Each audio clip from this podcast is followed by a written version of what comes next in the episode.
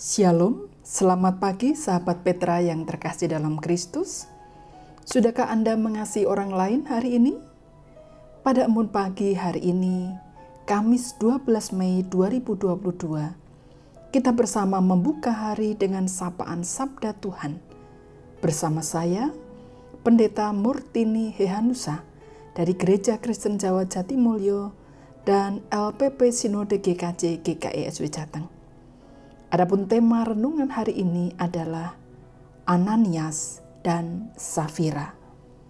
Tema ini didasarkan pada bacaan kisah para rasul pasal 5 ayat 1 sampai 11. Mari kita siapkan hati dengan merendahkan diri di hadapan Allah bersama kita berdoa. Tuhan Allah kami yang maha baik, terima kasih Tuhan kami boleh bangun pada pagi hari ini untuk menerima kehidupan baru pemberian Tuhan di hari ini. Terima kasih untuk kesempatan yang masih Tuhan anugerahkan kepada kami untuk mengisi hidup kami dengan hal yang baik yang berkenan kepada Tuhan dan memuliakan Tuhan. Oleh karena itu Tuhan sebelum kami mengawali hari kami, kami ingin merenungkan firman-Mu. Kiranya Tuhan berkenan berfirman kepada kami dan menolong kami semua selaku hambamu ini yang akan melayankan firmanmu. Agar biarlah firman yang boleh kami renungkan saat ini, boleh menjadi berkat bagi kami semua, menjadi bekal bagi kami untuk menjalani kehidupan kami hari lepas hari. Terima kasih Tuhan kami mau menyerahkan pembacaan dan perenungan firman Tuhan ini sepenuhnya dalam kuat kuasa Tuhan kami Yesus Kristus, dalam kasih pertolongan Allah dan Roh Kudus. Amin. Saudara-saudara yang dikasih Tuhan, sahabat Petra yang terkasih, mari kita saat ini baca dan perhatikan bacaan kita dari kisah para rasul pasal 5 ayat 1 sampai 11. Kisah para rasul pasal 5 ayat 1 sampai 11 yang demikian bunyinya. Ananias dan Safira. Ada seorang lain yang bernama Ananias. Ia beserta istrinya Safira menjual sebidang tanah. Dengan setahu istrinya, ia menahan sebagian dari hasil penjualan itu dan sebagian lain dibawa dan diletakkannya di depan kaki rasul-rasul. Tetapi Petrus berkata, Ananias, Mengapa hatimu dikuasai iblis, sehingga engkau mendustai Roh Kudus dan menahan sebagian dari hasil penjualan tanah itu? Selama tanah itu tidak dijual, bukankah itu tetap kepunyaanmu? Dan setelah dijual, bukankah hasilnya itu tetap dalam kuasamu? Mengapa engkau merencanakan perbuatan itu dalam hatimu? Engkau bukan mendustai manusia, tetapi mendustai Allah. Ketika mendengar perkataan itu, rebahlah Ananias dan putuslah nyawanya. Maka sangatlah ketakutan semua orang yang mendengar hal itu. Lalu datanglah beberapa orang muda, mereka mengapani mayat itu, mengusungnya keluar dan pergi menguburnya. Kira-kira tiga jam kemudian masuklah istri Ananias, tetapi ia tidak tahu apa yang telah terjadi. Kata Petrus kepadanya, "Katakanlah kepadaku, dengan harga sekiankah tanah itu kamu jual?" Jawab perempuan itu, "Betul sekian." Kata Petrus, "Mengapa kamu berdua bersepakat untuk mencobai roh Tuhan? Lihatlah, orang-orang yang baru mengubur suamimu berdiri di depan pintu, dan mereka akan mengusung engkau juga keluar. Lalu rebahlah perempuan itu. Seketika itu juga di depan kaki Petrus dan putuslah nyawanya. Saya ulangi, lalu rebahlah perempuan itu seketika itu juga di depan kaki Petrus dan putuslah nyawanya. Ketika orang-orang muda itu masuk, mereka mendapati dia sudah mati. Lalu mereka mengusungnya keluar dan menguburnya di samping suaminya. Maka sangat ketakutanlah seluruh jemaat dan semua orang yang mendengar hal itu. Demikian pembacaan firman Tuhan. Yang berbahagia ialah setiap orang yang mau mendengarkan firman Tuhan dan yang memeliharanya. Sahabat Petra yang terkasih, mendengarkan apa yang kita baca tadi membuat kita disadarkan pada beberapa hal yang dapat menjadi pelajaran kita pada pagi hari ini. Dari firman Tuhan tadi dalam kisah para rasul pasal 11, maaf pasal 5 ayat 1 sampai 11, kita mendapatkan paling tidak ada empat pelajaran yang bisa kita petik. Yang pertama, jangan berdusta hanya untuk pencitraan. Sahabat Petra terkasih, dari bacaan kita tadi, Ananias dan Safira, sepasang suami istri ini, kedua-duanya berdusta hanya untuk pencitraan. Mereka berdusta bahwa mereka telah menyerahkan seluruh hasil penjualan tanah yang mereka telah jual. Padahal Sebetulnya mereka tidak menyerahkan seluruh hasil penjualan atau dana atau uang hasil penjualan tanah mereka. Saudara-saudara, kenapa sepasang suami istri ini melakukan hal tersebut? Mungkin mereka tidak mau kalah dengan orang-orang atau anggota jemaat pada saat itu yang memang mereka semua menyerahkan apa yang mereka miliki untuk kehidupan bersama komunitas orang Kristen pada saat itu. Saudara-saudara, perasaan tidak mau kalah itu hati-hati. Kita harus berhati-hati terhadap perasaan tidak mau kalah terhadap yang lain.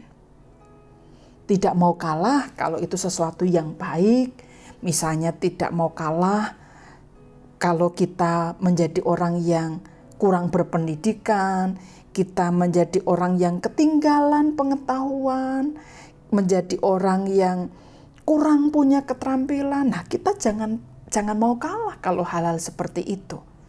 Kalau kita merasa kita kurang berpendidikan, mari kita mengejarnya supaya juga punya pendidikan yang tinggi seperti yang lainnya. Kalau kita punya tidak punya keterampilan, Sementara banyak orang punya keterampilan-keterampilan dalam pekerjaannya, dalam melakukan pelayanan, dalam melakukan banyak hal di tengah-tengah masyarakat, maka mari jangan mau kalah. Kita boleh tidak mau kalah terhadap yang lainnya kalau hal-hal itu baik dan berguna bagi kita, bagi kehidupan bersama. Tetapi hati-hati sering kali perasaan tidak mau kalah ini menggodai manusia dan perasaan tidak mau kalah ini terkait dengan hal yang negatif. Misalnya tidak mau kalah kalau dianggap lebih miskin. Ya, kalau tidak mau kalah dianggap lebih miskin kemudian eh, yang dilakukan adalah bekerja keras supaya kemudian tidak miskin itu baik. Tetapi kalau tidak mau kalah terhadap orang lain, kalau dilihat e, miskin, tetapi kemudian bergaya sok kaya, nah itu itu yang salah. Kadang-kadang kemudian orang bisa terjatuh terjatuh pada pencitraan.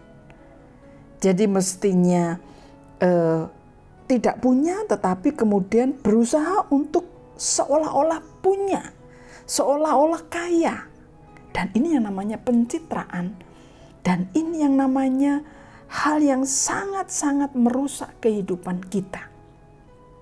Sekali lagi tidak mau kalah terhadap sesuatu yang positif untuk membangun kehidupan kita, mengembangkan talenta kita itu baik.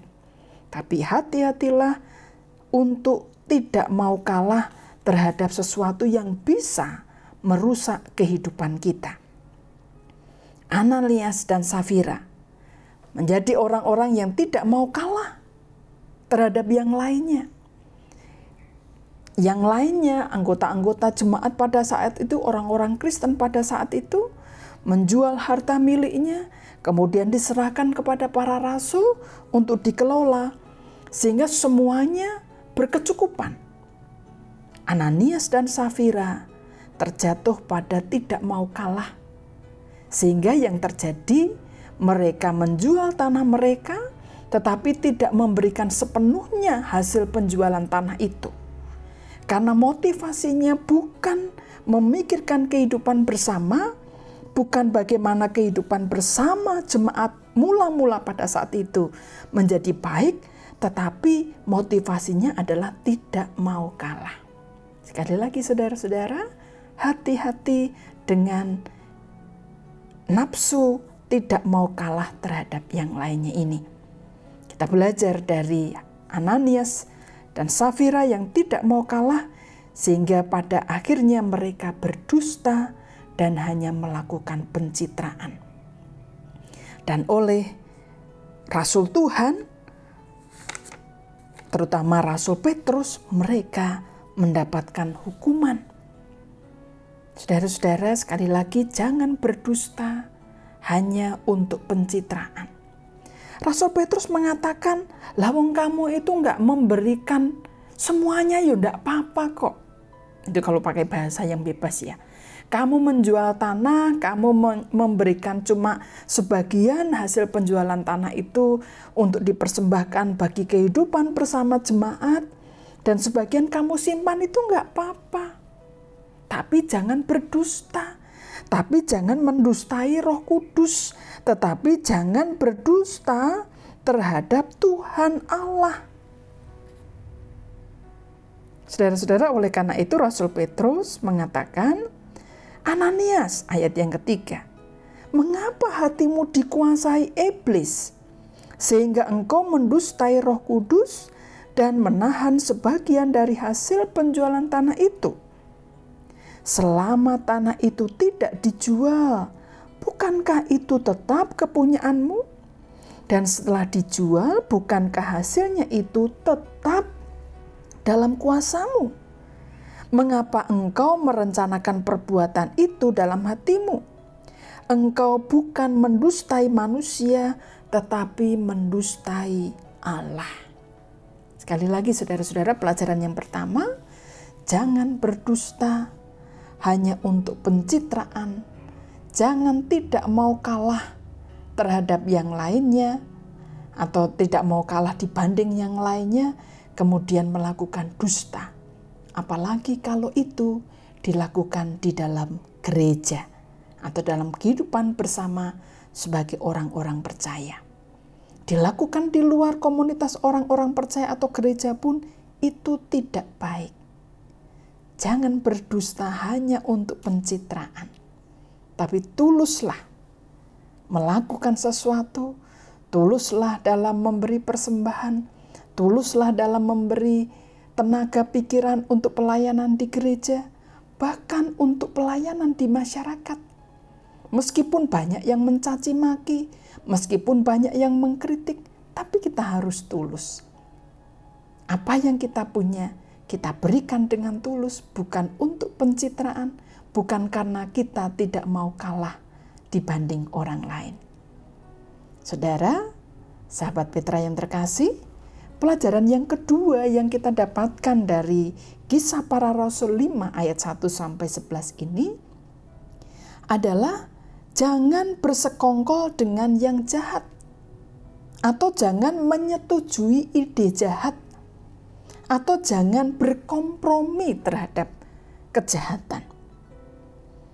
Dikatakan dalam kisah para rasul pasal 5 tadi, ada seorang lain yang bernama Ananias, ia beserta istrinya menjual sebidang tanah. Perhatikan ayat yang kedua.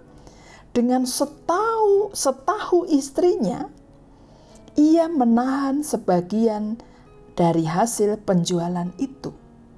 Jadi artinya bahwa yang punya ide untuk menyimpan sebagian hasil penjualan tanah itu adalah ide Ananias. Tapi Safira mendiamkan itu, berkompromi terhadap itu. Dan ia mendukung yang jahat, mendukung sesuatu yang tidak baik yang dilakukan oleh suaminya. Saudara-saudara,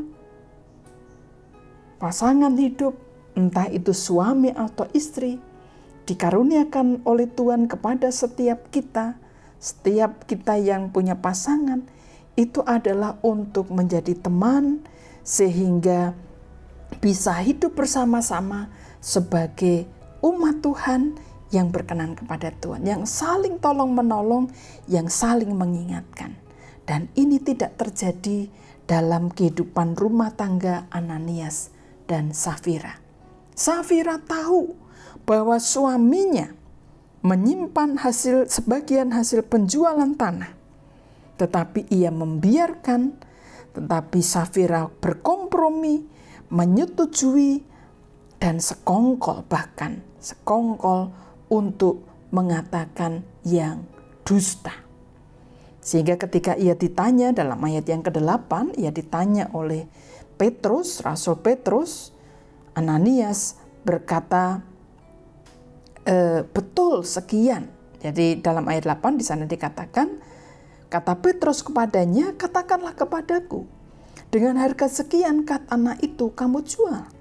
Jawab perempuan itu, betul sekian. Saudara-saudara, keduanya kemudian mendapatkan hukuman. Mati di tempat dan ini sesuatu yang mengerikan. Saudara-saudara, Ananias mendapatkan hukuman. Setelah itu tiga jam kemudian istrinya datang dan juga berkata dusta. Dan sama halnya dengan suaminya, ia kemudian mendapatkan hukuman.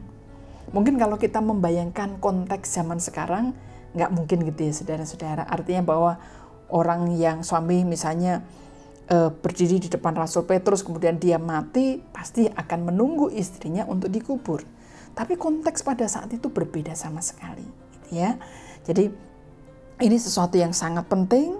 Sekali lagi pelajaran yang kedua, jangan sekongkol, jangan menyetujui ide atau perbuatan yang jahat atau perbuatan yang buruk, jangan berkompromi terhadap sesuatu yang jahat.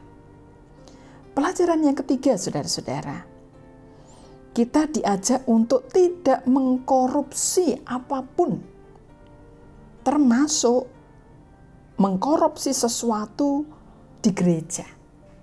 Tidak boleh korupsi di gereja, tidak boleh korupsi di tempat kerja, atau di mana pun kita berada. Untuk apa melakukan itu? Itu sesuatu yang tidak diperkenankan Tuhan memang Ananias dan Safira mengkorupsi perkataan dia, kesanggupan dia untuk memberikan seluruh hasil penjualan tanah. Saudara-saudara, itu pun salah. Padahal dia berhak untuk hanya menyerahkan separuh saja. Tetapi dia mengkorupsi apa yang menjadi apa kesanggupan dia untuk memberikan persembahan. Saudara, jangan melakukan korupsi dalam bentuk apa pun. Apalagi kalau hanya sekedar ecek-ecek mengubah uh, kwitansi jumlah angka di kwitansi yang harus kita uh, harus dibuat ketika kita membeli sesuatu. Jangan saudara-saudara, gak ada gunanya. Itu tidak akan mendatangkan berkat. Ananias dan Safira melakukan korupsi terhadap kesanggupan yang mereka nyatakan dan mereka menanggung akibatnya. Setiap korupsi saudara-saudara pasti ada akibatnya. Korupsi yang kecil yang ke kemudian ketahuan menjadikan nama buruk, nama baik kita menjadi buruk. Sesuatu yang sangat merugikan nila setitik merusak susu sebelanga. Korupsi besar menjadikan kita dan keluarga kita malu. Dan mungkin harta kita juga harus dilepaskan untuk membayar apa yang telah kita gunakan itu.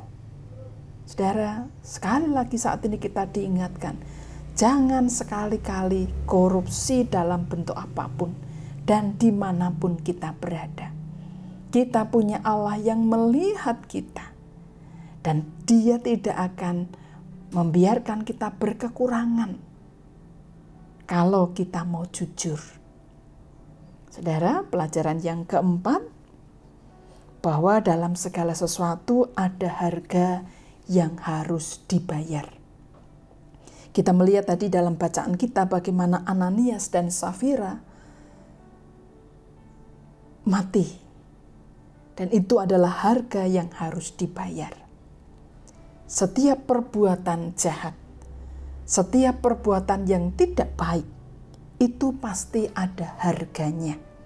Ada harga yang harus dibayar, dan kadang-kadang itu sangat tidak menyenangkan, sangat menyakitkan, tidak hanya pada orang yang melakukan kejahatan, tetapi juga bisa menimpa pada anak-anak dan cucu, misalnya nama baik dan sebagainya.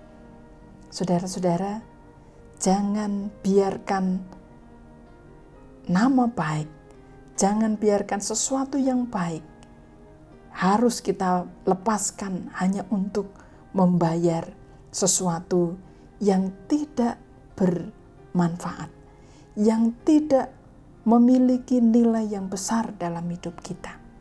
Sekali lagi kita mau belajar dari Ananias dan Safira dan ada empat hal yang tadi kita sudah bersama dapatkan. Yang pertama, jangan berdusta hanya untuk pencitraan. Jangan bersikap tidak mau kalah dibanding orang lain. Yang kedua, jangan sekongkol dengan kejahatan, jangan menyet, atau jangan menyetujui ide yang jahat atau jangan berkompromi dengan yang jahat atau kejahatan atau ide yang jahat. Yang ketiga, jangan melakukan korupsi apa pun bentuknya. Dan yang keempat, ingat bahwa ada selalu harga yang harus dibayar untuk setiap perbuatan tidak baik yang manusia lakukan, yang kita lakukan. Kiranya Tuhan menolong kita saudara-saudara sehingga kita dapat berhati-hati dalam menjalani hidup ini, jujur, tulus, dan melakukan yang terbaik di hadapan Tuhan. Mata Tuhan melihat baik yang baik maupun yang jahat. Amin. Tuhan memberkati kita.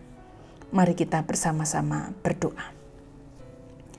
Ya Tuhan Allah kami yang maha baik, terima kasih kami boleh merenungkan firman-Mu. Tolonglah kami ya Tuhan untuk belajar dari Ananias dan Safira. Dan kiranya roh kudusmu terus menolong kami. Mengingatkan kami jikalau kami digodai. Memberikan kekuatan kepada kami untuk dapat melawan semua godaan itu. Dan menolong kami untuk melakukan hal yang benar dan baik di hadapanmu ya Tuhan. Ya Tuhan saat ini kami ingin menyerahkan seluruh hidup kami sepanjang hari ini dalam berkat-Mu Kiranya Tuhan sendiri yang menuntun memberkati setiap hal yang kami kerjakan, setiap kata-kata yang kami ucapkan, setiap perbuatan yang kami lakukan, bahkan hati dan pikiran kami kami serahkan dalam kuat kuasa penyertaan Tuhan saja. Sehingga hidup kami ya Tuhan hanya memuliakan Tuhan. Terima kasih Tuhan kami saat ini juga berdoa untuk Radio Petra, untuk para pengurus, karyawan, penyiar, siapa pun yang melayani di Radio Petra. Tuhan berkati agar biarlah diberikan kecukupan, diberikan sukacita dan segala hal yang diperlukan. Sehingga pelayanan dari anak-anakmu ini boleh mendatangkan berkat bagi semakin banyak orang. Dan saat ini Tuhan kami berdoa untuk segala keperluan dana yang dibutuhkan oleh Radio Petra. Tuhan kiranya berkenan menggerakkan hati anak-anakmu untuk mendukung segala sesuatu yang dibutuhkan oleh Radio Petra, sehingga Radio Petra boleh terus menggema menjadi berkat bagi banyak orang. Terima kasih Tuhan kami serahkan Radio Petra, juga kami masing-masing pribadi lepas pribadi, juga keluarga kami dalam berkat-Mu. Semua ini kami mohon di dalam nama Tuhan kami Yesus Kristus yang mengajar kami berdoa Bapa kami. Bapa kami yang di sorga, dikuduskanlah namamu, datanglah kerajaanmu, jadilah kehendakmu di bumi seperti di sorga. Berikanlah kami pada hari ini makanan kami yang secukupnya, dan ampunilah kami akan kesalahan kami, seperti kami juga mengampuni orang yang bersalah kepada kami. Dan janganlah membawa kami ke dalam pencobaan, tetapi lepaskanlah kami daripada yang jahat. Karena engkau yang punya kerajaan, dan kuasa, dan kemuliaan sampai selama-lamanya. Amin. Demikian sahabat Petra yang terkasih dalam Kristus, embun pagi hari ini. Kamis 12 Mei 2022. Kiranya sabda Tuhan memberikan hikmat, kekuatan, dan penghiburan bagi kita untuk melewati sepanjang hari ini. Saya, Pendeta Murtini Hehanusa dari Gereja Kristen Jawa Jatimulyo dan LPP Sinode mohon diri dan mohon maaf bila ada kata yang kurang berkenan. Sahabat Petra, selamat mengasihi orang lain hari ini. Tuhan Yesus memberkati. Amin.